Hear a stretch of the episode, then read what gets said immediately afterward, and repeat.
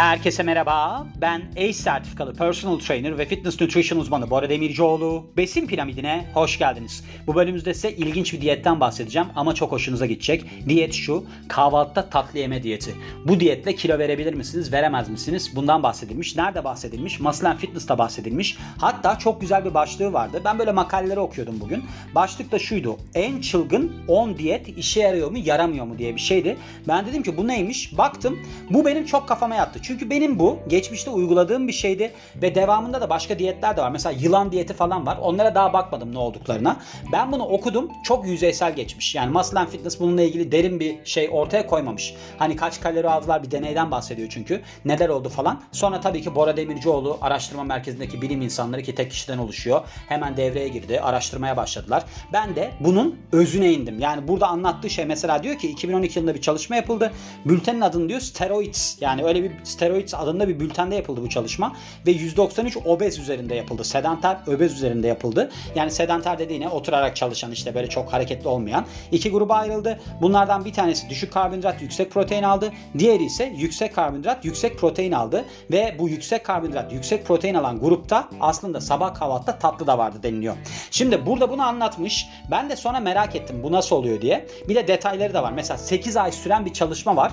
Burada diyor ki özet olarak Muscle and Fitness'ta İnsanlar iki gruba ayrıldı. Bunlardan bir tanesi sabah tatlı yiyordu, bir tanesi yemiyordu ve 8 aylık çalışma sonunda tatlı yiyen grup diyete daha fazla sadık kaldı ve daha fazla kilo verdi. Bakın tatlı yiyorlar sabah. Şimdi böyle düşündüğünüz zaman bazı noktalar vardır. Bunu anlatmak için aslında bu bölümü ekledim. İnsanlar ben önceki bölümlerde de paylaştığım için biliyorum. Yani aslında ben gönderi olarak koyduğumda da bana çok mesajlar geliyor. Mesela diyorum ki ya bu bitter çikolata %70 ile %85 oranında kakao içeren çok faydalı. Bunun içerisinde yaklaşık 120 gram magnezyum var diyorum. Magnezyum 320 ile 420 miligram alınması gereken ve de metabolik olarak faaliyetlerine baktığınızda 300 tane falan metabolik faaliyette rolü olan bir enzim ve şey mineral ve şöyle yani ben onu koyduktan sonra insanlar bana mesaj atıyorlar. Diyorlar ki sen öyle diyorsun ama onun içinde işte şeker var yok işte yağ var falan diye. Şimdi burada zamanlama çok önemli. Zamanlamanın haricinde sizin günlük olarak aldığınız kalori çok önemli.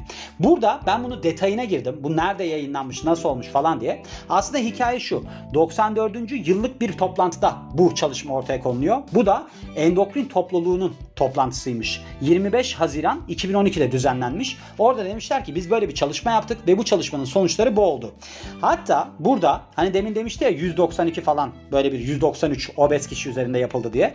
Burada aslında 200 kişiden bahsediliyor. Neredeyse diyor ama. Non-diyabetik yani böyle bir şeker hastalığı falan olmayan obez kişiler üzerinde yapılmış ve burada ikiye ayrılmış grup.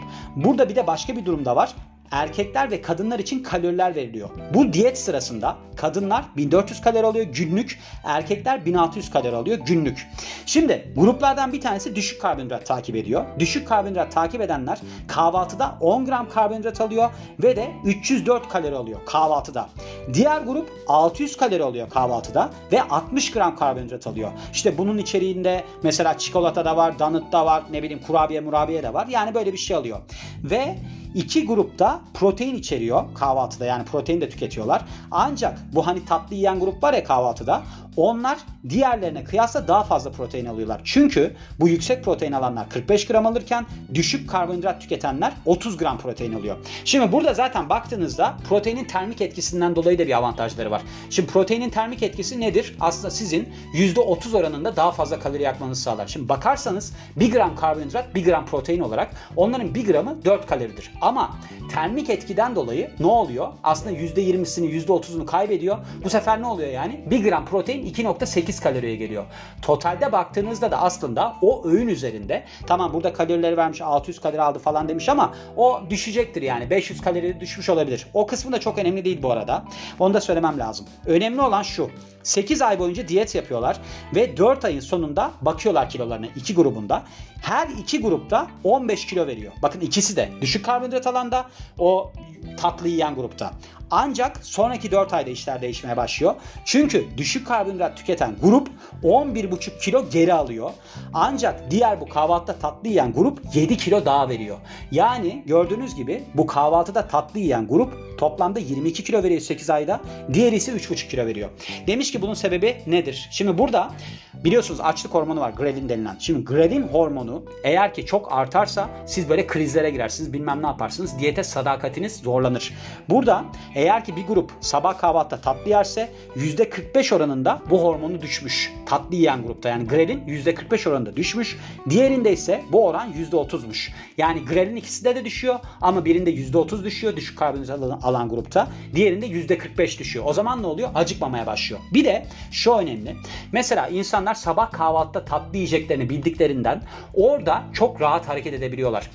Siz bir yeri yasaklarsanız ya da bir şey yasaklarsanız hatta Freud'un lafı var onunla alakalı olarak şey var. İnsanlar böyle duygularını eğer ki sakladıklarında onları öldürmezler. Bilinçaltlarında saklarlar. Ondan sonra daha kötü şekillerde ortaya çıkar diye. Öyle bu paralelde bir sözü var yani. Bu da aynı o şekilde. Şimdi siz diyebilirsiniz ki 3 hafta alışma süresi var. Ben 3 haftalık süreyi atlattım. Bundan sonra da inanır mısın hiç canım istemiyor falan diyebilirsiniz. Gerçekten de fiziğiniz de iyi olabilir. Ama sizin bir ödül noktanız yoksa siz sabah kalktığınızda ya da ne bileyim haftanın 2 günü falan tatlı yiyebileceğinizi bilmiyorsanız kesinlikle o diyet patlayacaktır. Çünkü bu noktada siz belirsizliğin içerisinde kalıyorsunuz. Mesela şu da olabilir. Bu insanlar diyelim ki böyle bir kalori saydılar. işte böyle bir teste girdiler falan. Yaptılar bu diyeti. 8 ay sonra bunlardan emin olun. Hani bu çok kilo veren grup var ya kahvaltıda tatlı yiyen falan. Onlar da geri almıştır. Neden biliyor musunuz? Çünkü burada başka bir faktör var. Ne diyor? Bir kere kahvaltıda yüksek protein alıyorlar. Bunlar belli ki bir diyetisyenin kontrolünde falan yapıyorlar bunu. Kahvaltıda yüksek protein alıyorlar. Onunla beraber günlük aldıkları bir kalori var. Eğer ki neydi çok basitçe siz yaktığınızdan daha az kalori alırsanız kilo verirsiniz. Aynı yaktığınızda kalori alırsanız bu sefer ne olur? Siz aynı kalırsınız. Ama bu grup yani bu kilolu olan grup bir noktadan sonra emin olun şey diyecektir. Ya ben zayıfladım zaten ben sabah kahvaltıda yiyordum. O sabah kahvaltıdaki tatlı sonra öğlene gelir. Sonra öğlen akşama gelir falan derken onlar da kilo alırlar. Şimdi burada evet belli bir şeyin içerisinde kalmış insanlar. Yani demiş ki ben bunun içerisindeyim bakayım ne kadar kilo verebileceğim falan. Böyle bir nokta var. Sürekli kendinizi kontrol etmeniz gereken bir nokta var. Ama şu da var.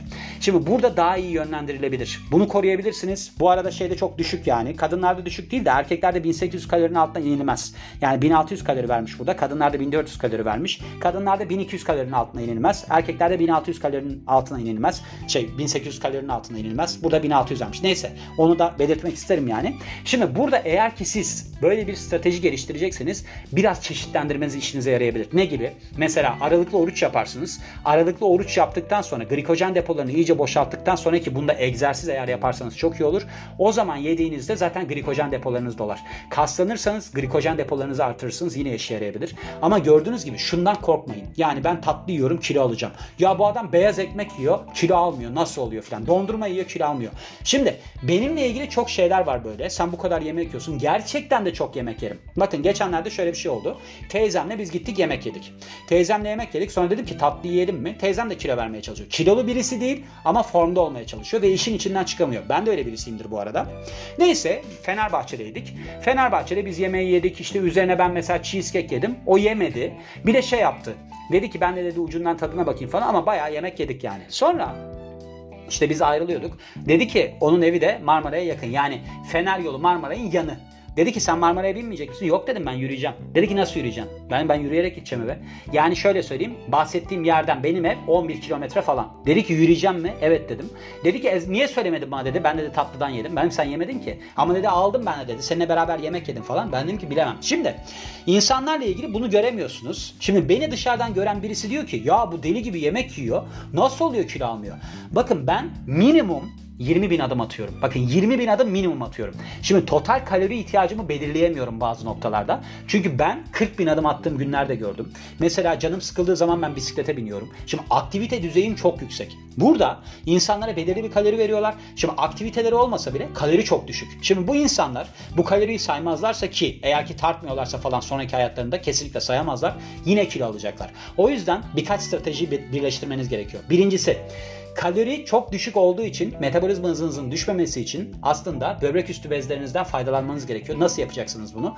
Aralıklı oruçla aslında vücudunuza stres yükleyeceksiniz. Orada ne olacak? Metabolizma hızınız artacak. Bunu yapacaksınız. Kalorinizi çok fazla düşürmeyeceksiniz. Döngüsel kalori değişimine gidebilirsiniz. Yani bir gün mesela 2000 alırsınız, öbür gün atıyorum 1800 alırsınız. Ortalama bir kaloriden gidersiniz. Bunu yapabilirsiniz. Onun haricinde eğer ki belirli bir diyet sistemi içerisine gidiyorsanız tartmak zorundasınız. Yoksa bilemezsiniz. Ben ne aldım, kaç kalorim var, neyim var, kaç karbonhidrat aldım nereden bileceksiniz bilemezsiniz. Onun için bunlara dikkat etmeniz açısından bu diyeti de eklemek istedim diyorum ve bu bölümün de sonuna geliyorum. Beni dinlediğiniz için çok teşekkür ederim. Ben Bora Demircioğlu. Yeni bir bölümde görüşmek üzere. Hoşçakalın. thank you